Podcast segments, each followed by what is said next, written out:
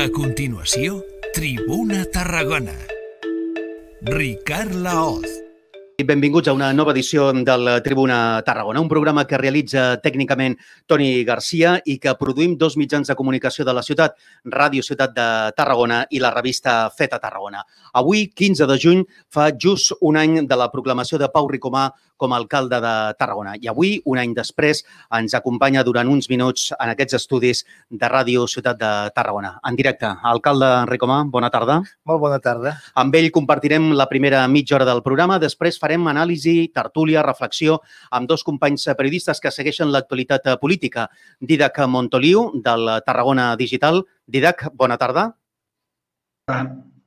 I també l'Octavi Saumell, company periodista del Diari de Tarragona. Octavi, també bona tarda. Hola, bona tarda. Amb ells dos eh, analitzarem l'entrevista a l'alcalde de Tarragona. Amb ell fem doncs, aquesta primera part del programa. Avui, senyor Ricomà, començant per un, per un detall personal, alguna imatge, algun record, alguna reflexió que li vingui d'avui fa just un any, d'aquell 15 de juny del 2019? Home, mol, molts records, no? Molts records. Eh, D'una banda, eh, el, els polítics, no? Els records de tota la gent que va estar en la campanya, que et va ajudar, que et vaig sentir feliços eh, el dia de la, el dia de la investidura. Eh, també el record i agraïment una vegada més als partits que ho fer possible, Junts per Tarragona i la CUP, i també records personals, és clar, record personal de que, de que aquell dia estava la meva mare, la meva mare, a més, amb caràcter que té, es va saltar tots els protocols, va sortir al balcó, va fer una cosa està inusual, però va fer de bona fe, de com era que és ella, no? I realment, clar, avui, avui me recordo d'ella, clar. En un any han canviat moltes coses, eh, dissortadament ha mort la seva mare, però, en fi, en un any hem viscut eh, coses que no havíem vist mai. La última, la més greu, la més impactant, la pandèmia. Ha canviat tot, eh, eh, les prioritats han canviat. Ara tenim, després de la crisi sanitària, una emergència social i econòmica. A dia d'avui, quina és la seva eh, prioritat com a alcalde de Tarragona en aquest àmbit? Eh, a dia d'avui, evidentment, eh, reactivar la ciutat, fer tot el possible perquè la ciutat torni a caminar amb tota la força. I estem fent ja tots els esforços, estem fent reunions eh, amb diferents sectors, hem fet d'ajuts directes eh, als sectors més afectats, eh, subvenció a la cultura, eh, subvencions també al sector de l'hostaleria i del comerç. A més a més, estem avançant perquè mm, que hagi hagut aquest, aquest fet no ens fa canviar en absolut eh, l'objectiu final de, de, del nostre mandat, que és el canvi a la ciutat. Per tant, a la vegada que estem actuant en coses molt concretes i coses de molt de curt termini, de cap manera perdem eh, la nostra, la nostra objectiu, que és eh, cohesió, sostenibilitat i que la cultura sigui un paper, tingui un paper transformador. I aquest canvi s'ha notat en aquest eh, primer any? Jo estic segur que sí. El que passa que si algun... I vostè creu que els ciutadans ho aprecien? Eh, jo, quan algun ciutadà... Jo crec que ho pot apreciar moltes coses. També, també, també crec que la memòria a vegades eh, no és massa curta. Vull dir, és molt curta. És, és molt curta, no? Però a mi quan hi ha, quan hi ha eh, algú que em diu, home, eh, quan, quan la gent es queixa menys, per exemple, de la brossa, que es queixa bastant menys, ja no és el principal problema destacat com era abans, eh, vol dir que aquí darrere hi ha un equip de gent que ha treballat molt, que ha treballat molt, que està molt atenta, i és la nostra manera de fer, treballar molt i estar molt atents a arreglar coses. Si algú me diu, si notat, mm, falta notar coses, jo diria que té raó, és que també ho penso, eh, hi ha un problema d'execució, hi ha un problema de que la pròpia administració de l'Ajuntament eh, t'obliga a fer les coses més a poc a poc del que tu faries. Per exemple, nosaltres, des del primer moment, eh, volíem tenir un, un director de recursos humans que estem a punt de tenir, però encara no tenim. Eh, volíem reforçar l'àrea d'inspecció, l'àrea de contractació. Tot això, que ens agrada tant pensar i feu, eh, es farà. Per Però tant, quan?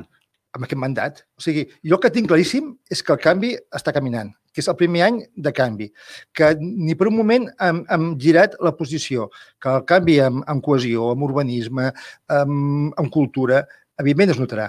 Eh, pot ser que aquests mesos una mica hagin ralentit alguns projectes, però, per exemple, a la part que a mi em toca més directament, cultura, al centre d'art, amb els tres seus, que és un cas de canals, al Mercat del Fòrum el magatzè sisè de, de Tabacalera, evidentment serà eh, la realitat d'aquest mandat i suposarà un canvi molt gran en una ciutat que veníem de, diguem, d'una atenció a la cultura molt baixa. O sigui, nosaltres no teníem ni homologats a nivell, eh, ni el propi Museu d'Història de la Ciutat, ni el Centre d'Art, que un centre d'art ja sabíem per la Generalitat que no complien amb, el- amb, amb el que havia de complir, que és amb, més enllà de, la, de, la, de, la, de fer exposicions, més enllà d'això, eh, mediació, eh, eh, formació, moltíssimes coses, no? No complia i, i t'està dient tot dos, que no n'ha dit, ha dit- tres, que, i biblioteques, no? Mhm. O sigui, tenim un pla de biblioteques absolutament aturat,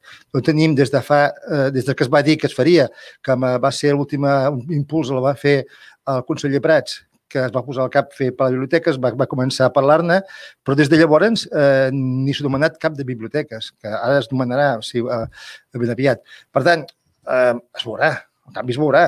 Eh, el que passa que realment els tempos de l'administració, que és de les coses que també volem arreglar, són els que són.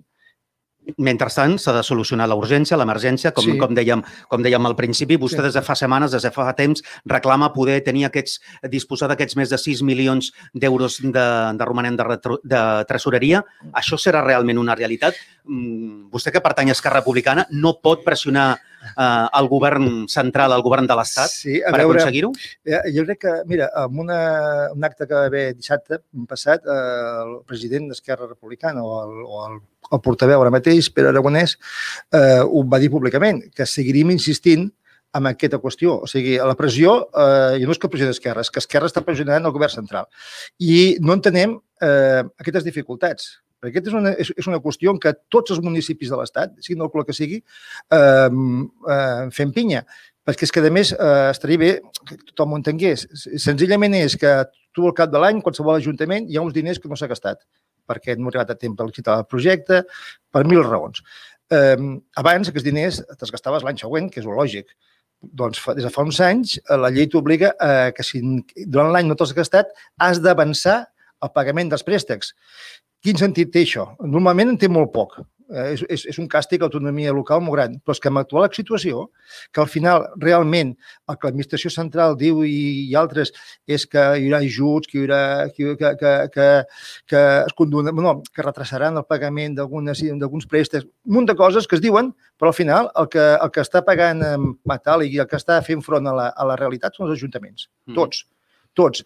I, home, i amb aquesta situació que els ajuntaments no puguem eh, cobrir les nostres necessitats socials més bàsiques i, a més, reactivar l'economia, em sembla que no té cap sentit. Per tant, aquesta petició de que puguem usar els nostres remanents, jo crec que tots els ajuntaments seguirem fent pinya i tard o aviat hi haurà una reacció, perquè de manera informal ja hi és. Diu que sí, sí, que això ho tindrem. No entenc Però no s'acaba de no entenc, fer realitat. I, i realment, eh, això per Tarragona serien 6 milions i A què, a què els destinaria? Ha fet una mena de llista o l'equip de govern teu ja com una mena de llista de prioritats que, que podríem fer amb 6 milions més a la butxaca? Sí, eh, que es destinaria? Doncs, home, primer que res, ajudar amb aquests sectors que estan contingut passat pitjor. De fet, ja ho han fet. Han fet ajudes directes a tots els sectors i podem entrar com vulgui, comentar-los. Però, a més a més, eh, a donar musculatura. O sigui, nosaltres, per exemple, sortirem molt aviat fent un munt d'obres a la ciutat. Un munt. A tots els barris. Actuacions contínua.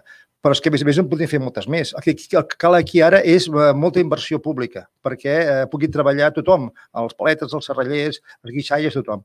Nosaltres farem ajuts a la rehabilitació. Estem acabant de definir i ho farem. Però, evidentment, com més musculatura tinguem, com més diners tinguem, més ho podrem fer.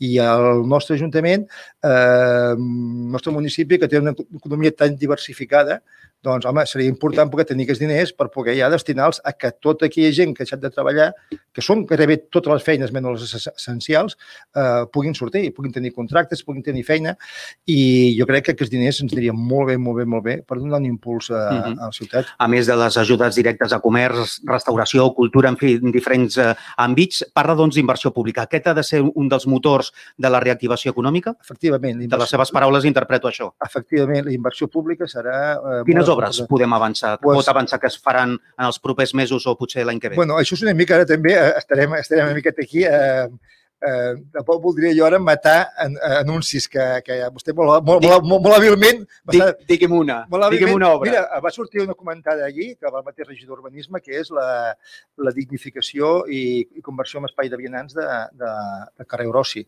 L'entrada de, de Tarragona des de, des de L'estació de tren. de tren Mhm. fins a arribar al carrer Podaca realment eh, és molt millorable i una de les primeres intervencions que farem, que farem eh, al barri del Port serà aquesta. Però és que, a més a més, estem treballant ja, eh, un poc licitarem el projecte de, de, de pla integral pel barri del Port, que volem transformar absolutament el barri del Port. Però aquí hi ha obres en pràcticament tots els barris, totes les zones. Eh, Espè Sant Pau, eh, Bonavista, al centre, eh, jo crec que tota la ciutat veurà, veurà una empenta forta de, de, d'obra pública. Ja que ha citat uh, un exemple d'un carrer que serà per, per a vianants, el, el carrer Eurosi, eh, creu, des del fet a Tarragona com a mínim, nosaltres estem promovent una mena de debat. Creiem que és el moment de repensar la ciutat segurament després de la pandèmia en molts àmbits. Un pot ser precisament el de la mobilitat, el microurbanisme. Vostè creu, d'alguna manera, vostè que va arribar a l'alcaldia ara fa un any amb un programa, creu que ara s'ha de repensar en bona part si no el programa electoral, sí alguns conceptes de futur de, de la ciutat a llarg termini? Jo, jo crec que els nostres no s'han de repensar, perquè precisament els nostres van en la línia de transformar la ciutat que parlàvem. No? Eh, una de les coses que veurem més clarament, en aquest sentit, que, que és molt semblant al que vostè diu, és eh, amb el tema de la mobilitat. Nosaltres ja estem treballant perquè en pocs mesos eh, la Tarragona sigui una zona 30 de Mhm. mobilitat.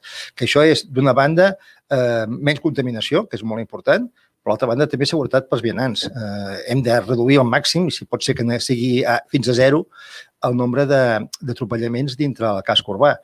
Però és que, a més, també el permetrà integrar la calçada de manera molt ordenada a les bicicletes, els patins i altres mitjans. Per tant, treure'ls de, de la zona de vianants que tenen el seu perill i la seva molèstia.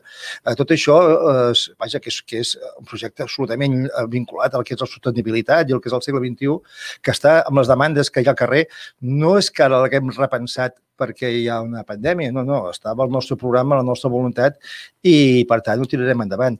Jo crec que, sincerament, mm, hem d'atendre moltes situacions complicades, però l'estratègia final, l'objectiu final, que és el canvi per Tarragona, eh, no només no l'hem abandonat, sinó que estem molt ferms en fer-ho. Quan serem una ciutat de 30 km per hora? Pues jo, jo, perquè tots temes, aquí, aquí tot, hi, ha, hi, ha, hi ha un tema, diguem, també La administratiu. maquinària administrativa. Però jo crec que amb un horitzó de 3-4 mesos això és una realitat. I els carrils bici, recordem que vostès van arribar també al govern amb la promesa d'activar sobretot un carril bici que connectés els campus universitaris. Això també Això està en hauria marxa. de començar... Això està en marxa, està pressupostat, estem parlant, no sé segur ara, però crec que d'uns 400.000 euros. Per això això serà una realitat molt aviat. I n'hi haurà més? És a dir, Sí, sí, estan sí, sí. repensant en aquest sentit de poder fer més carrils bici? No, no, evidentment, això és l'objectiu primer per fer, perquè relliga tota una sèrie de zones, però el nostre objectiu és més i, evidentment, nosaltres volem connectar Tarragona de punta a punta i volem que Tarragona estigui connectada amb, amb, amb una activitat turística que és l'Eurovelo, que és un programa de la Unió Europea que hi ha diferents, diferents rutes que travessen tot, a, tot el continent, però n'hi ha una que diria que és meravellosa, que comença a Grècia i acaba a Algeciras, que està aturada més o menys a l'alçada de, de, de l'Empordà. Tarragona ha d'estar dintre d'aquesta línia de, de, de, de, de turisme sostenible en bicicleta, que a més a més a Europa funciona moltíssim. Per tant, la nostra idea és mm, fer la xarxa interna, però també connectar Tarragona amb les xarxes eh, europees de, bicicleta. Vostè fa pocs dies a través de les xarxes socials comentava un article d'un geògraf tarragoní sobre eh, les mides de les voreres de, Sí, de. Tarragona. A més, feia tota una sèrie de recomanacions a, a la ciutadania. Això li fa pensar que precisament eh, hem d'anar en el camí també de peatonalitzar més vies dintre sempre de les possibilitats que hi hagi? eh, evidentment. Eh, nosaltres, per exemple, el que farem realitat també i comencem a treballar molt és ja és amb alguna de les execucions molt claus d'aquell projecte molt gran que es diu l'Illa Corsini i es pot compartir per tots els grups de l'Ajuntament. Molt aviat començarem a tenir evidències en aquest sentit.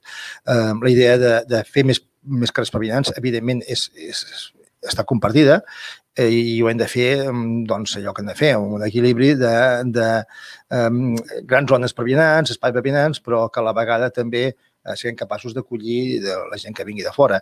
Um, per tant, eh, les coses a vegades no són blanques ni negres, avançar en bona direcció i la direcció que avançarem precisament és la d'aquesta, és, la de, és la de descontaminar eh, i és la de fer la vida més, més, més agradable a través d'una de, de, de prioritat, diguem, per la Mhm. circulació de vianants. Lligant-ho amb, amb l'ús de l'espai públic i especialment amb, per part de, dels vianants, tenim el tema de les terrasses i d'una convivència, ja veurem si fàcil o difícil amb els, amb els veïns. Recordem que des de fa uns dies alguns eh, carrers de, de Tarragona eh, doncs es tallen el trànsit en determinades franges horàries per habilitar terrasses.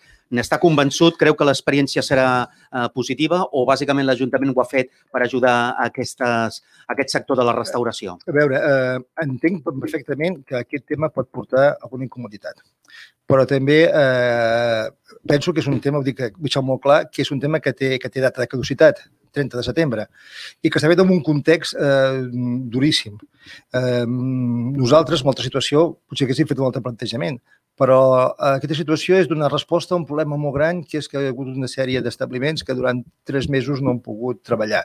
I, a més a més, un d'aquests establiments eh, tenien un futur molt complicat perquè sense tenir un espai fora de terrasses, mmm, vaja, uh, uh, era difícil que deixi endavant. Nosaltres, en aquest cas, hem, hem prioritzat, hem prioritzat eh, que la gent es pugui guanyar la vida, que la gent no hagi de, no hagi, no hagi de tancar, no tancar. I ja dic, jo entenc eh, que pot portar crítiques, eh, però si allò com manes has d'assumir has d'assumir també que critiquin quan no fas alguna cosa ben feta o que algú no comparteixi la teva opinió però en tot cas és una mesura excepcional per un moment excepcional. Mm -hmm. Un altre sector molt afectat, no cal dir-ho, és el del, el del turisme.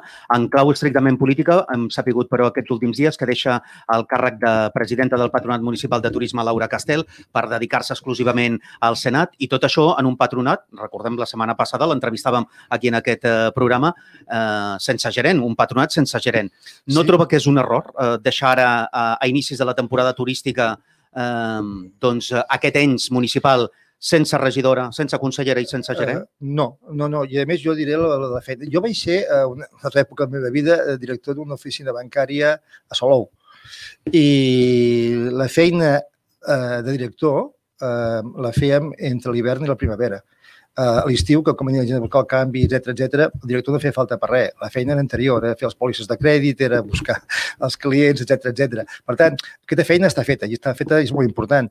I, evidentment, molt aviat, eh, a més a més, ja sortirà la fitxa nova pel nou, pel nou, pel nou gerent i les coses circularan. Jo crec que la feina que ha fet Laura Castell, en sentit, eh, està molt bé, ha reorientat eh, un patronat que entendre del nostre equip de govern no tenia les coses clares i la feina que estava enfocada precisament amb aquest turisme de proximitat i també de posar en valor els nostres recursos, cosa que sempre no es feia, eh, jo crec que ha fet una feina molt bona i que es, se pot anar tranquil·lament en un moment just. Mm -hmm. Cinta Pastor serà la nova consellera que substituirà Laura Castella al consistori.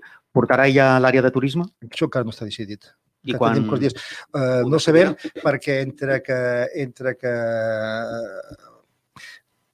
mm, es formalitzi la, la, la, la, la renúncia de Laura Castell i es demana la credencial de la nova regió, això poden passar bé 3-4 setmanes, uh -huh. per tant, no ens apreta. I, no I quin criteri seguirà vostè per, uh, redefinir les àrees? No, al final, a veure, les àrees no bellugaran molt, però sí que una mica els perfils de cadascú, potser era un retoc, no variaran molt, però al final la línia de treball és la mateixa. Nosaltres tenim molt clar que, que Tarragona ha d'apostar pels seus valors, pels seus recursos com a gran element eh, turístic i també que ho ha de fer eh, tenint en compte tot, eh, tot aquell territori que representa. A nosaltres ens sembla molt estrany que Tarragona no hagi sigut mai la porta d'entrada a llocs tan potents com poden ser el Priorat o que poden ser altres zones de, de, de les nostres comarques. No? I aquest paper de, de lideratge territorial com a, com a capital també ens ha de ser eh, un gran instrument per fer un lideratge en aquest sentit, que evidentment no competirem en nombres de llits ni amb Salou, ni amb la Pineda, ni amb Cambrils, però aquest turisme de qualitat que busca la cultura, etc etc, eh, jo crec que Tarragona ho pot acollir molt bé. Ja que parla de capital i de lideratge territorial, també en la darrera setmana hem sapigut que vostè deixa el càrrec de diputat eh, provincial i alguns partits de l'oposició han criticat precisament que vostè eh, deixa una institució clau per la reactivació econòmica i que Tarragona eh, perd pes. Ja s'ho ha pensat bé, això? M'ho he pensat del tot bé. Eh, I no creu que Tarragona no, queda una mica no, despullada no, no, a la Diputació? Jo, jo, jo, en tots els respectes, eh, m'agradaria que aquesta persona que diu això i que partit que és, eh, me digui fins a quin punt eh, el seu representant ha sigut líder territorial durant aquest temps. Les coses no van així. Les coses van de que és important, eh, Tarragona té un pes, és una capital, i la nostra relació amb la Diputació serà constant, contínua, i a més a més amb la bona relació que tenim, a més a més, amb la presidenta. Per tant, això està més que assegurat. Eh, què hi ha ara? Doncs la Diputació hi ha un equip de treball molt potent, amb moltes ganes, que el que ha de fer també és una feina a nivell de territori eh, diferent de que s'ha fet fins ara, per tant, una feina també de canvi. Eh, en aquest sentit, eh, jo m'hi podia dedicar prou?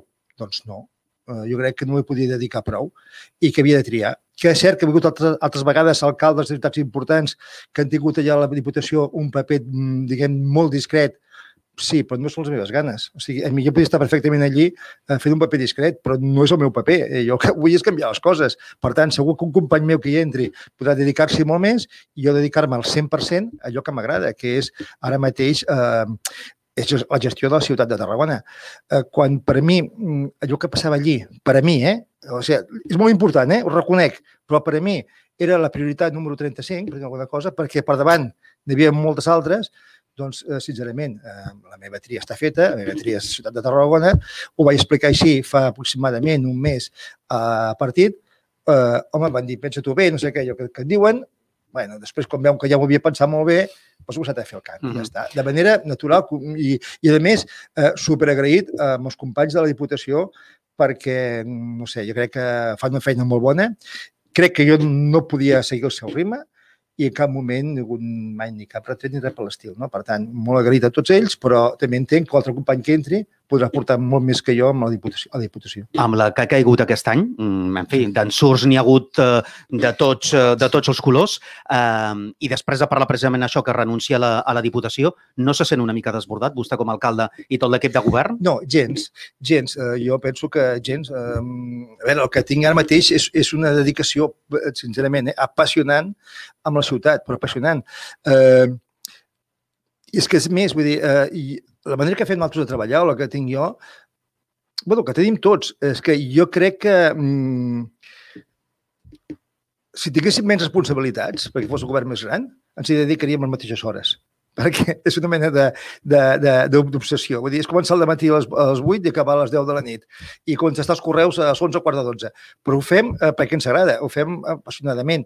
Si a mi em diguessin, home, si treuen cultura, no sé què, no, no, és que jo cultura no la vull deixar. Eh... Però li agradaria tenir més companys eh, a l'equip de govern. Això ja li vaig preguntar és possible, una altra vegada. És, és, és possible, però al final, al final, al final també dius, ostres, en un equip molt ben avingut, eh, ostres, molt potent, ens ho podem dir tot, hi ha confiança mútua, compartim objectius, eh, no hi ha cap tema que sigui gruixut amb el qual hi hagi divergència. Home, doncs també té uns punts molt bons aquesta situació. No han ampliat el govern perquè els seus socis de govern, els comuns, ho han impedit? Home, jo no diria així, jo no diria així. Jo diria que les coses necessiten uns, uns, temps, de, uns temps de reflexió i cada partit té els seus. Cada que en tres anys poden passar més coses, però jo crec que hem estat molt respectuosos amb la manera de fer cadascú i entendre la situació en cada moment. Eh, res, res mai per sempre, per pel, tant, ja ho veurem. Pel que deia fa un moment, de totes maneres, interpreto, senyor Ricomà, que si s'amplia el govern, vostè no vol deixar cultura. No, no, no. Això jo, està clar. No, vostè que... seguirà d'alcalde i de regidor de cultura si pot ser els quatre anys. Sí, i a més seguiré tenint eh, trucades de persones que no tenen, que no tenen eh, diguem, afecció directa amb aquests temes, però entitats veïnals, de molts sectors, que me truquen directament a mi i que sempre que puc els, els responc. Per tant, no sé, sincerament, eh, eh, eh, per dir-ho manera, malgrat totes les dificultats, m'ho estic passant molt bé fent el que faig. Mm -hmm. Parlant de cultura, ja sé que li deu preguntar a tothom quan el veu pel carrer. Hi haurà concurs de castells? Ai, com m'agradaria que hi hagués concurs de castells. Eh, encantaria. Però vostè que és casteller, Clar, que fa anys això... que porta la camisa, vostè es veu fent castells aquest any? Eh, aquesta pregunta potser no li han fet tantes vegades. No, sí que me l'han fet, però bueno... Eh, però vostè, sincerament, si veu amb la camisa no, no, i la faixa... Jo, jo, sincerament, veig que és molt, molt, molt, molt difícil. De totes maneres, també veig, també crec, que nosaltres, com a ciutat, eh, que en certa manera eh, tenim una capitalitat castellera, perquè el concurs ha generat de que, que des de moltes zones del país eh, se'ns vegi com una capital, o sigui, serà, eh, perdó, de Vall serà el Bressol, a Vilafranca serà la plaça més castellera, però la gent, eh, on poden venir a actuar a Tarragona els de Sants, els de, els de molts llocs, no? I, per tant, Tarragona és la seva capital castellera. Per tant, encara que no hi hagi concurs, nosaltres una resposta castellera hem de donar. Una, o, eh, o sigui, eh, la Bienal, que no és només concurs, també funcionarà. I també hi haurà, eh, d'un o altre, castells. I també, d'un o altre, eh, Tarragona ha de ser capital castellera. Per tant, malgrat eh, fins a l'última hora, fins que podem esperar, decidirem què fem amb el concurs eh, tal com s'entén, però segur que tot l'entorn del concurs i tota aquesta eh, diguem, reivindicació de capital i de reconeixement de capital eh, eh, es veurà, serà, es farà palès. Mm -hmm. De Santa Tecla, si Sant Magí es concentra en tres dies, Santa Tecla haurem de conformar-nos aquest any amb 4 o 5 com a màxim? Eh, bueno, ja veurem. Seguirà la mateixa filosofia o encara és massa no, aviat? A veure, al final nosaltres el que hem de fer és gestionar unes condicions que nosaltres no posem. Per tant, aquí ja veiem l'Estat que va posar en condicions i que va publicat i que, a més, va val a dir que ens porta tots barejats, perquè sé que semblen contradictoris, no? Passem de voler fer de quarantena de 15 dies als turistes al cap de dos dies a dir que vindran a partir de no sé quan. I ara s'avança. Clar, nosaltres el que hem de fer no tenim altre que gestionar aquesta, aquesta situació. Eh, per tant, eh, festes. Sant Magí, nosaltres pensem que Sant Magí i Santa Tecla són dos moments molt importants per a la ciutat. Per què? Perquè estan molt arrelades, perquè, perquè ens situen en la nostra tradició, però que a la vegada ens visualitzen i es posicionen davant de tot el país. Eh, Sant Magí serà, d'alguna manera, una prova de la imaginació de la gent i de les entitats. Hi haurà un Sant Magí, un Sant Magí diferent, un Sant Magí que jo espero que sigui molt brillant, m'agrada dir aquesta paraula, perquè eh, que ens ho passi bé. Sí que no hi haurà eh, ni la remullada, ni hi haurà una actuació castellera clàssica, ni hi haurà eh, un professor, d'acord? No hi seran, tots ho sabem. Però també m'agradaria que d'aquí 10 anys, d'aquí 15 anys, tots el recordéssim que van fer el Sant Magí del 2020 o Sant Tecla del 2020, que va ser diferent, que segurament no es podrà repetir, que tal vegada algun dels actes potser sí que acabem consolidant, però que, que no sigui de cap manera eh, jo de dir d'un conformisme, de dir, bueno, mira, no, no, no, no, no. Ni, ni volem fer una festa com de Macatotis, no, no, volem fer el que hem de fer, ben programat, ben explicat i que sigui atractiu i maco. Avui no li preguntaré expressament per algun dels grans projectes que arrosseguem des de fa anys, tot i que sí que, eh, en fi, tenint en compte que el Banc d'Espanya sí que sembla que serà un projecte d'aquest mandat, que anirà, que anirà fent, eh, Tabacaler i Sabinosa seran projectes d'aquest mandat? Ja només li pregunto això. A veure, eh, aquest mandat, projectes. Eh, primer projecte d'aquest mandat importantíssim que desencallem després de no sé quants eh, anys és la ciutat de repòs i vacances. I aquest eh, sí que està al nostre actiu. Eh, Perilla, per cert, després no, de la pandèmia no, no, amb pressupostos de la Generalitat? En, en absolut, en absolut. Hem tingut ja les converses amb, amb vicepresidència i també amb, amb joventut, que, que és, diguem, el, el subdepartament dintre de Benestar i, Famílies que ho porta i no, a veure, la, la, també des de la Generalitat tenen molt clar que la inversió pública com a motor de, com a motor de, de, de, de, de treball és molt important. El tema no s'abandona, al contrari avança eh, amb el ritme que ha d'avançar. Eh, és molt important per nosaltres perquè recuperar també un model turístic eh, sostenible, familiar, jove, que a més a més tindrà un espai prou important eh, d'interactuació perquè els veïns puguin fer ser un espai que llevant no en tenen cap, com a centre cívic, i també utilitzant els propis equipaments eh, comuns de, de, de l'alberg. L'alberg serà l'alberg més gran de tot el país. Per tant, jo crec que recupera, de més, aquesta idea de turisme social que es va crear.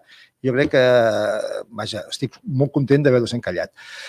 Mm, d'altra banda, tabacalera, tabacalera treballant-hi. Tabacalera, farem les actuacions que haguem de fer. La primera que farem... La del magatzem 6 que, amb sí, el centre d'art. Mm -hmm. Primera que res, treure aquell mamotreto que el jardí vertical. tothom ha vist que era... Quan serà això, per cert? Eh, es parlaven de nou setmanes d'execució. Uh -huh.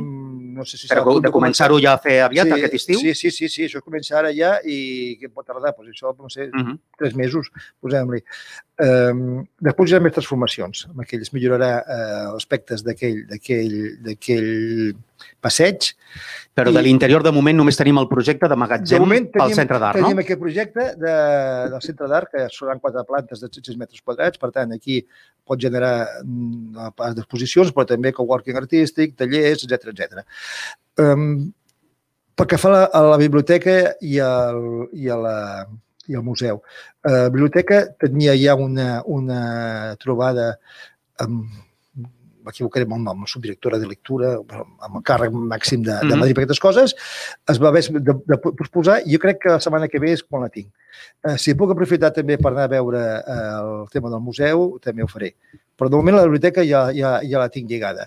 Eh, insistir, nosaltres, evidentment, eh, a més a més, després de molts anys que deia abans no tenir pla de biblioteques, dintre del nostre pla eh, seguim mantenint com una idea bàsica la biblioteca de, de, de Talacalera, que la biblioteca que tenim ara al carrer, al carrer Gasòmetre, evidentment, ha de seguir tenint vida com a d'aquesta zona, eh, ja encarar molt ràpidament, eh, després de moltes vicissituds i, i de falta de pressupostos, ara que tenim els diners, eh, la Biblioteca de Torreforta i els pocs objectius ja doncs, doncs, sempre de Sant Pau i altres zones. Mm -hmm. Però bàsicament aquests són les, les prioritats. Deixem acabar amb dues qüestions molt concretes. Una, perquè a més també era una promesa electoral i a més era d'alguna manera eh, un buc insígnia d'això de, del canvi eh, que vostès prediquen, sobretot pel que fa a la participació ciutadana. El projecte dels Consells de Districte. Sí.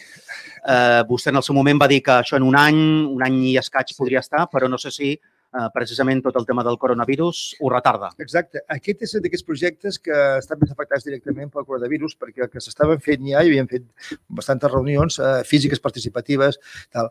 Eh, fer això, en, diguem, moltes vegades amb agents tan, tan, tan diferents com hi ha en aquestes reunions, costava molt i, pues, sí, pues, en aquest cas el coronavirus una mica ens ha afectat el, el, el timing. Um, la filosofia, la idea la mantenen? Home, evidentment, la idea uh -huh. la mantenim.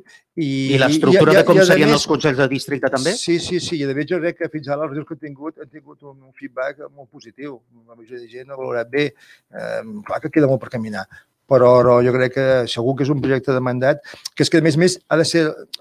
És un projecte que, que no és finalista. O sigui, al final no és el projecte, al final és que això és la, la, obrir una porta a un sistema de participació real, participació en pressupostos, participació en gestió quotidiana i en moltes coses. No? Per tant, aquest projecte no l'abandonem en absolut, al mm-hmm. contrari, mm -hmm. és, és, és important. Acabo l'entrevista, alcalde, amb un altre aniversari. Avui fa un any de la seva proclamació de la seva investidura com a alcalde, però la setmana que ve farà dos anys dels Jocs Mediterranis, de la inauguració dels Jocs Mediterranis. Dos anys després, Palau d'Esports, la joia de la corona de l'anella mediterrània que segur que també li han preguntat un munt de vegades I, en els darrers mesos. I, i diré, m'agrada que faci aquesta pregunta. Doncs Perquè eh, avui a mi m'agradarà més escoltar alguna resposta pues, una mica concreta. Doncs avui hem tingut una reunió molt important al màxim nivell i pràcticament els, els, equips, eh, els equips tècnics estan d'acord eh, és molt possible que ja el, el... no arribem a temps aquest ple a portar-ho, però, però és molt possible que per raons de pressupostos i altres volien fer un ple extraordinari a principi de juliol. Eh, segur que anirà aquest tema ja, ja eh, definitiu s'encallar-ho. Això, evidentment, tindrà els seus tràmits eh, d'inscripcions i coses que ha de tenir, però malgrat això, també ja farem una mena de document de sessió perquè puguem treballar-hi i ja posar-nos ja de manera recurrent i normal i poder posar a disposició dels clubs eh, aquest equipament, que recordem serà 100% eh, de gestió municipal i això també ens fa retroteure que a altra època es va voler fer un projecte que deia Santa Gadea, que era absolutament ruïnós. Uh -huh. jo, jo I sé... desencallar-ho vol dir que l'Ajuntament es fa càrrec de la gestió, Exactament. que té la sessió de la Generalitat. Absolutament. Uh -huh. absolutament. I això quan podria ser una realitat? El curs vinent? Això serà, això, eh, eh, aquest any eh, els, els equips, eh, els, els equips, els clubs que hagin de poder entrenar i jugar allí, eh, aquesta temporada ja ho podran fer. O sigui que estem ja a la recta, recta, recta final d'una cosa que es va fer amb els peus. Es va fer una sessió, se va treballar sobre un terreny que no estava cedit, tot un, tot un verdader disbarat jurídic, segons diuen els, els entesos, que ha portat eh, un temps de, de, de feina. Doncs eh, parlant d'una qüestió que ens recorda la data d'ara fa dos anys de la inauguració dels Jocs Mediterranis, acabem aquesta entrevista, aquest eh, repàs eh, a bon ritme, parlant de moltes coses amb poc més de mitja hora amb l'alcalde de Tarragona, Pau Ricoma. Senyor Ricoma, moltes gràcies, que vagi molt bé i fins la propera. Ha sigut un plaer tornar a xafar el, el els estudis, tornar a fer una sí, miqueta la vida normal. La nostra primera entrevista presencial en molt de temps. Gràcies, alcalde. Gràcies. Nosaltres ara fem una petita pausa i de seguida tornem a saludar els nostres companys periodistes. Avui amb ells farem tertúlia Octavi Saumell i Didac Montoliu. Ja fa sis anys que som més que una ràdio. Érem els nous i volíem fer-ho diferent mentre la gent anava simplement cada cop més pel carrer amb el mòbil, nosaltres veiem possibles oients gràcies a la connectivitat. El consum dels mitjans estava canviant, la societat estava canviant, les empreses estaven canviant. Havíem de connectar els nostres continguts amb els oients i ser capaços de buscar noves formes imaginatives de finançar un projecte de comunicació. Vam crear una ràdio per internet, amb un web on l'àudio és al centre, amb podcast, notícies, programes, directes, fotos, vídeos... Havíem d'aconseguir estar en totes les plataformes possibles que distribueixen continguts i créixer de la mà de les xarxes socials, esforçant-nos per arribar a tots i fer-ho de forma fàcil. No vam copiar a ningú. Vam començar a rodar sense manual d'instruccions. Ho vam fer en equip. Vam provar, vam encertar, ens vam equivocar i aquí seguim. Per a la producció dels continguts volíem que la ràdio no necessités obligatòriament un estudi, que es pogués fer tot des de casa.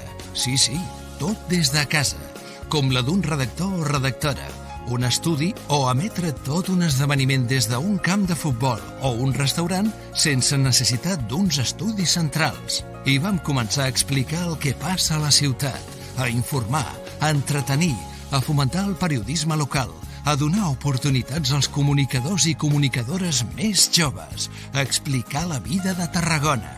I al costat de la xarxa vam començar a transcendir i fer continguts més enllà de Tarragona i explicar a tot el país l'actualitat i els esdeveniments més importants de la nostra història recent.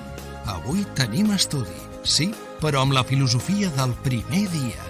Sis anys després de la primera emissió en directe, enmig de la pandèmia de la Covid-19, s'ha demostrat que aquella idea que teníem no només era totalment vàlida, sinó que l'han acabat practicant gran part de les emissores que aquests dies estan fent ràdio des de casa, tal i com va néixer Ràdio Ciutat de Tarragona ara fa sis anys. Gràcies a tots els que ho han fet possible, per molts anys més de bones idees. Ràdio Ciutat de Tarragona, més que una ràdio.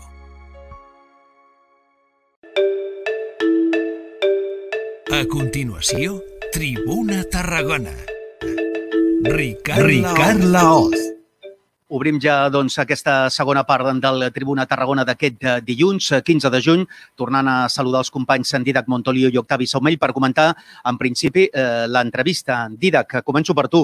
Eh, un primer titular, un primer comentari d'alguna de les coses que ha dit l'alcalde de Tarragona, Pau Ricomà, un any després de la seva investidura. Un any després, un primer titular, a veure com t'ho diria. Jo diria que el, està implementant el canvi tranquil. Uh -huh. I per què? En què ho argumentes, aquest canvi tranquil? Per, per una cosa que, que ha, ha, fet, ha deixat una, una petita pinzellada, però té raó. Dius, la queixa de la brossa mm, s'ha reduït molt. És aquest canvi, és el mateix camí que va iniciar Ballesteros en el seu primer mandat de la micropolítica i que després va abandonar però ara se, se veuen unes altres formes i una voluntat d'aprofundir en aquesta línia. Mm-hmm. Octavi, un primer comentari de, del, que hagi, del que ha dit Pau Ricomà en aquesta conversa? Bé, eh, sí que està implementant el canvi tranquil, però de tranquil el primer any no n'ha tingut, de tranquil·litat no n'ha tingut massa. El, el Miassa, entre els aldarulls, l'Icoxe, el, el Covid, el Glòria, ha sigut un any doncs, des, dels, des del 2006 que jo faig informació municipal ha sigut l'any de llarg el més, el més intens, el que hem tingut més, més coses, i jo l'any de, de Ricomà segurament el, el definiria com d'equilibri inestable al ple. Són nou regidors de, de 27, tu li has comentat el tema de, del volum de feina, que ell no vol deixar de cap de les maneres cultura, però clar, són nou de 27, han de buscar suports externs doncs, eh, pel tema del pressupost doncs, amb la majoria de la investidura, pels temes eh, d'urbanisme doncs, segurament doncs, eh, hi, ha, hi ha unes altres majories, eh, aporta alguna, alguna, alguna votació important. Eh, L'equilibri ara mateix és, és inestable. Eh, després de l'any de, de, de govern, doncs, molt intens, la veritat. Mm -hmm. Al fil d'això que, que comentes, eh, Octavi, eh, l'alcalde al llarg de l'entrevista ha donat a entendre que vol eh, d'alguna manera fer compatible eh, doncs això, la urgència, no? l'atenció a l'emergència amb eh, aquesta mirada més llarga, eh, aquest canvi no? que, que va prometre en les eleccions eh, del 2019 i que vol eh, concloure el, el 2023, és a dir, al llarg d'aquest mandat. Vosaltres, Didac, veieu eh, factible gestionar aquesta emergència, que més es perllongarà durant força temps, sembla, l'emergència econòmica i social. Eh, ho veieu factible de, de, de fer-ho eh, compatible amb aquesta mirada més, més llarga? A veure, una puntualització. Quan jo deia abans implementar el canvi tranquil, i l'Octavi ha dit que no ha sigut un any tranquil, té tota la raó del món. I potser no he sigut prou precisa amb el tema de tranquil·litat. No em refereixo als fets que han passat, sinó a l'estiu. Estem davant d'un alcalde que està bastant allunyat dels grans anuncis, que està bastant allunyat de plans estratègics i de, si em permeteu l'expressió, mandangues vàries i toca bastant de peus a terra. A partir d'aquí, està complicat. Està complicat, però continuant en la mateixa línia que en una anterior tertúlia, on em vas convidar a Ricarla del Xavi Puig, que no s'acaben de mullar gaire amb grans projectes. I sonen bastant honestos. Sonen que, escolta, potser hi arribarem, objectiu de mandat, però no tenim un anunci, no tenim un titular, que això pels periodistes ens fan patir, però per la ciutadania doncs, doncs és positiu, perquè si ho comparem amb els 12 anys de mandat anterior, entre els titulars que ens van donar i, i la Tarragona de carrer no són la mateixa ciutat. Octavi, coincideixes amb això que, que el Didac? Sí, home, a veure, l'entrevista que, que acabes de fer, Ricard, t'ha donat algun, algun titular interessant. Eh, ja hi ha acord pel, pel Palau eh, d'Esports, després de pràcticament dos anys doncs, de, dels Jocs doncs, anunciat, no? que, que, que ja ens, començava, que ens comentava l'entrevista de diumenge amb el, amb el diari, no? també, que, que volia tenir el Palau d'Esports ja uh, per l'inici de temporada, al setembre. Em sembla que avui hi ha hagut una reunió, que t'acabo de dir. Eh, ha comentat també l'anunci no? de, de, de les prioritats d'aquest any, a Ciutat de Repòs, que, que ja hi ha acord amb la Generalitat i que el que ha dit el, el, el Covid no, no afectarà i, i el seu gran projecte, com, no com a alcalde segurament, sinó com a regidor de, de cultura, que és la transformació de la, de la tabacalera, començant ara doncs, per uh, treure el, el jardí vertical i, i omplir ja el, el magatzem eh, número 6, portar també la biblioteca, eh, el museu. Eh, sí que, sí que hi ha hagut, sí que hi ha és el que diu el Didac, no? Eh, dia a dia, pas a pas, no volen fer eh, grans anuncis, però és que a veure, hem de ser conscients que no a Tarragona, a tot arreu, el, el Covid ho ho ha trastocat tot. Vull dir, és que eh, fer una planificació molt ambiciosa també és, és, és complicat perquè l'Ajuntament ja va anunciar que segurament hi haurà 10 milions menys d'ingressos aquest any no? per, per la, la, la, les repercussions del, del Covid. Eh, ha anunciat també ajudes a, a la rehabilitació, doncs, al comerç, a, a, a molts sectors que ho estan passant malament i, i en fi, ara hem patit el Covid, però les repercussions econòmiques vindran més endavant i la seva aposta és aquesta, l'obra pública i, i eh, o, actuacions com Orosi, altres, eh, altres tipus d'actuacions doncs, que, que fan difícil doncs, doncs, fer un grans, grans anuncis de grans projectes. No? Uh -huh. uh, en els, de curs de les entrevistes publicades aquests darrers dies i en l'entrevista d'ara mateix aquí a la Tribuna Tarragona, uh, en fi, Pau Ricomà ha tornat a parlar de la cohesió del govern, malgrat que sigui petit, malgrat que només hi hagi nou membres dels 27 del, del plenari. Uh, vosaltres que sou analistes polítics amb llarg recorregut, uh, com veieu ara mateix la situació? Realment uh, creieu que aquest uh, govern pot mantenir-se amb aquesta situació fins al 2023? Didac? Jo crec que si la peça de la CUP la gestionen bé, no els hi veig un excessiu problema. No només per, per virtuts pròpies, com que estan intentant, si em permets la pedanteria, posant una nova narrativa de la ciutat a sobre la taula, sinó per errors greus de, de, de l'oposició. El principal grup de l'oposició ha iniciat una campanya recentment a xarxes que, que, home, dius, està bastant allunyada de la realitat de la ciutat. Si em permets que consulti un moment, perquè he capturat un missatge de l'antiga de l'antiga regidora, de, de l'antiga portaveu del grup municipal, la Begoña Floria, que abans de començar la tertúlia ha, ha fet un titular dient fa un any el Partit dels Socialistes de Catalunya va guanyar les eleccions a Tarragona. Una aliança antinatural basada en l'anti i en un model de ciutat comú. Home, no fotem. Dius, per què és antinatural aquesta, aquesta aliança? Perquè no li van donar el govern a ells ja t'ho dic, jo, jo els veig capaços d'arribar fins al final, sempre i quan siguin capaços de mantenir la peça de la CUP una bona intenta cordial. Octavi, com ho veus tu? Geometria variable. Eh, jo crec que, que seguiran així menys un, un temps més. Sí que és veritat doncs, que pot, el que ha dit l'alcalde a l'entrevista, no? que tres anys eh, donen, donen per molt, Esquerra Republicana és un, és un aliat fort dels socialistes a, a Madrid, a, ara mateix a Madrid, però jo no l'he vist amb gaires ganes de, de pactar ningú. I la, la pregunta que li has fet tu, Ricard, és, sigut la clau. Si, fos, si la clau la tenen els comuns, eh, si fos per Esquerra, el, el pacte amb, amb la CUP segurament i amb Junts per Tarragona estaria fet. Eh, Junts per Tarragona hi ha, hi ha, hi ha acord, hi, ha, hi havia la voluntat conjunta de, del canvi, de, de, de canviar doncs, de, de rumb la, la ciutat, però just per Tarragona hi ha mm, temes doncs, que, que no estan d'acord i que són de calat i que són de fons. Amb la modellera, doncs, Didac Nadal eh, està a favor del, del projecte. En l'últim ple municipal vull recordar doncs, que Didac Nadal i, i Junts per Tarragona van obrir la porta a acceptar el projecte de Mas d'en Sorder, un tema que aquí obrim carpeta perquè se'n parlarà bastant, i amb els socialistes doncs, eh, ja veurem, ja veurem quines repercussions té el cas Nipro també, eh, el que deia el Didac, un, no hi haurà un pacte amb el PSC mentre hi hagi Ballesteros i Begoña Floria i Pau Pérez, segurament. Si eh, aquests eh, tres eh, regidors doncs, a fort pes en el passat doncs, eh, decidissin marxar, per exemple, potser s'obriria un nou escenari no? de, de futur. Ja veurem també, tenim unes eleccions al Parlament de Catalunya doncs, a l'horitzó, no sé quan, ja veurem al Tribunal Suprem si n'habilita el, el president Torra i es convoquen eleccions i amb la CUP, eh, en fi, el que és la clau ara mateix eh, del que deia el Didac, no?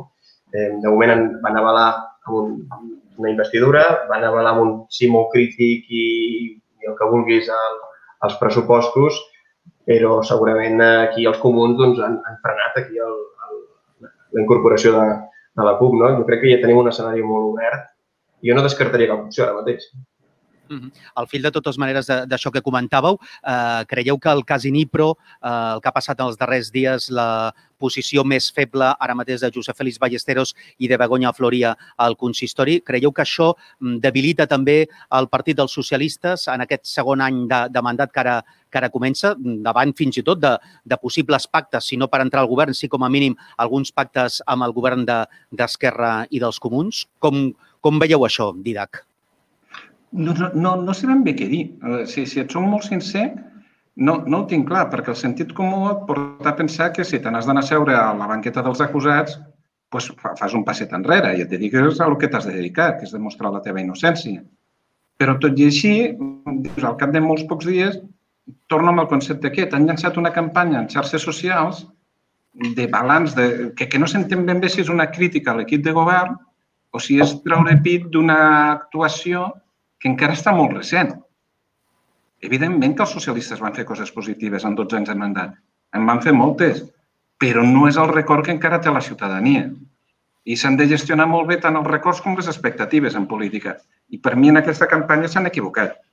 Jo crec que sí, que, que, que estan afeblits, que estan afeblits perquè tenen el seu cap de cartell durant 12 anys doncs, camí de la banqueta dels acusats.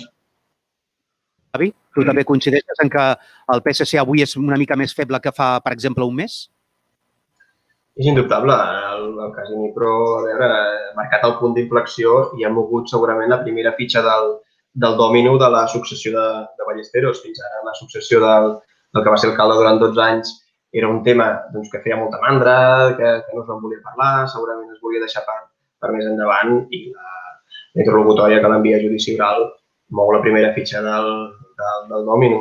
Eh, ara pensava que no sé si s'hauria de, així en plan broma, eh, no sé si s'hauria de canviar el nom del grup municipal socialista pel grup municipal dels independents, perquè ara mateix hi haurà quatre independents i tres eh, regidors amb carnet, no? Perquè vull recordar que Berni Álvarez i Mario Soler són independents, Begoña Floria i Josep Félix Ballesteros ara mateix són independents, i amb carnet, eh, en fi, queda Francesc Roca, queda eh, Pau Pérez i Sandra Ramos, no? Eh, el, el PSC a Tarragona, perquè sí que, així com el Parlament sembla més consolidat com una força doncs, eh, que, que el Covid segurament o que la situació doncs, no, no està de baixada, a Tarragona comença una temporada, doncs, eh, una transició. No? Eh, quan hi ha un, un, un lideratge tan fort com, com hi ha hagut a Tarragona, primer va passar amb Josep Maria Requesens, que va ser 10 anys alcalde, després va passar amb Joan Miquel Nadal, que va ser alcalde de 18 anys, eh, i l'antiga Convergència, ara aquest eh, moviment, eh, aquest partit sobiranista de Junts, eh, PDeCAT, encara està buscant eh, el, el, el relleu doncs, tenir opcions d'alcaldia, doncs aquesta situació que està vivint ara l'antiga Convergència, ara en PDeCAT, segurament ho està començant ara al PSC per buscar l'herència de, de Ballesteros i, i com no trobin un substitut aviat, eh, Pau Ricomà o altres forces poden consolidar. Mm -hmm. Acabo, eh, i ens queden dos minuts, i ara començo per tu, Octavi, perquè tu li feies una pregunta a l'alcalde Ricom en l'entrevista del Diari de Tarragona, i ara us la faig a, vosaltres, una doble nota. Us demano una nota eh, com a periodistes, eh, com, eh, quina nota li poseu a l'equip de govern en aquest primer any, i una segona nota sobre la gestió estricta de, de la pandèmia del coronavirus, perquè vull recordar que avui també fa tres mesos que eh, eh, es va instaurar l'estat d'alarma, estem a punt ja pràcticament de posar punt i final a aquest eh, estat eh, d'alarma i, per tant, són tres mesos de gestió estricta. Així que, Octavi, començo per tu. Tu quines notes li posaries al govern de Pau Ricomà, aquestes dues, la de l'any sencer i la dels tres mesos de la pandèmia? És complicat eh, avaluar un, un, un alcalde doncs, que ha estat tres mesos eh, telegovernant pel, pel Covid, eh, etc. Nosaltres avui al diari hem tret un, una, un reportatge amb, parlant amb 32 personalitats de la ciutat que han, que han aprovat no, la gestió de, de, de Pau Ricomà, eh, parlant amb gent de diferents àmbits, eh, la gent, en principi, un any de govern és, és, és poc de temps, poc temps. Eh, segurament hi ha hagut inclemències doncs, que, no es podien, que no es podien preveure i ha sigut un any, un any molt dur. Eh, jo provaria aquest primer, aquest primer any, no? ha sigut un, tenint en compte la, la, la minoria que hi ha al, al, al, al Saló de Plens, doncs ha pogut tenir pressupostos, cosa que altres ajuntaments no, no han pogut tenir. Eh, ha tingut una estabilitat eh, relativa, però que ha pogut anar traient el, els temes. Només va haver un modificatiu de crèdit que no es va poder aprovar i que es va aprovar el següent, el següent ple. I pel que fa a la gestió del, del Covid, eh, penso que Tarragona ha sigut, ha sigut pionera, per exemple, amb el, Bergana, el pavelló del Serrallo, persones sense sostre. Eh, haurem de mirar ara com, com, com es gestionen no? totes aquestes ajudes a nivell cultural, a nivell comercial i altres sectors, però penso que, el, que vaja, fent cas al, al que publiquen nosaltres mateixos avui al diari, la societat civil, eh, representants de col·legis professionals, entitats eh, veïnals, eh, entitats socials, entitats esportives, doncs, eh, de moment un any és, és poc de temps, però sí que de moment eh, el canvi eh, s'ha notat un, un, un, canvi, sobretot en, més que en el, en, en, en el fons les, les formes de moment, no? I, i encara queden tres anys de mandat, poden passar moltes coses i vull recordar que, que el primer any de tots els alcaldes normalment sempre, sempre aproven i més quan vens d'un d'un període tan llarg que la gent tenia ganes de canvi no? a, la, a la ciutat. Didac, les teves dues notes? Dues notes. Uh, pel que fa al primer any, jo em mouria entre el 6 i mig 7, entre el B i el notable. Ja tinc una edat, no sé si els millennials entendran la referència. I pel que fa a la gestió del Covid, pujo una mica més. Jo li dono un notable al TET. És una gestió molt correcta i amb un alt contingut ho, ho vaig deixar escrit, està lleig citar-me, però ho vaig, perquè vosaltres, en l'Octavi com tu, heu publicat un parell d'articles molt interessants sobre, sobre eh, la crisi del Covid a Tarragona i les oportunitats que suposa, però jo, és que ha, donat, ha fet una sèrie de propostes amb alt contingut socialdemòcrata. Torno al mateix. Dius, quan el, PC, quan el PSC es desperti, se n'haurà donat que li han fotut la cartera. I se l'haurà fotut l'alcalde Ricomà està fent propostes d'un PSC, del PSC més clàssic, d'un PSC allunyat, allunyat de, del model Barcelona, dels grans aconteixements, els grans esdeveniments com a motor econòmic. La, a mi em va agradar molt la proposta de bonificar als propietaris de locals que haguessin negociat una rebaixa amb els, a, a, amb els seus llogaters. Vaig trobar M'agrada poc pagar impostos, però si han de servir per potenciar valors positius com la solidaritat, benvinguts siguin. Doncs eh, amb aquestes notes del Didac Montoliu i de l'Octavi Somell, notes a l'equip de, de govern aquest eh, primer any de mandat, acabem aquesta estona de, de tertúlia d'anàlisi. Ja sé que no és el mateix que està als estudis, perquè això vol dir que la tertúlia és així com molt més ordenada, un darrere l'altre, però en qualsevol cas a tots dos us agraeixo la vostra presència avui a la Tribuna Tarragona. Octavi Somell del Diari de Tarragona i Didac Montoliu del Tarragona Digital, gràcies per, la vostra, per les vostres aportacions, pels vostres comentaris i fins la propera. Que vagi molt bé. A tu, Ricard. Gràcies a tots dos, gràcies a vosaltres, gràcies a l'alcalde de Tarragona, Pau Ricomà, per haver compartit avui, en el primer aniversari de la seva investidura com a alcalde de Tarragona, per haver compartit una estona amb els oients de la Tribuna Tarragona, aquest programa que realitzem conjuntament Ràdio Ciutat de Tarragona i Feta Tarragona. Gràcies i fins la setmana que ve. Adéu-siau, bona tarda. Tribuna Tarragona. Ricard Laoz.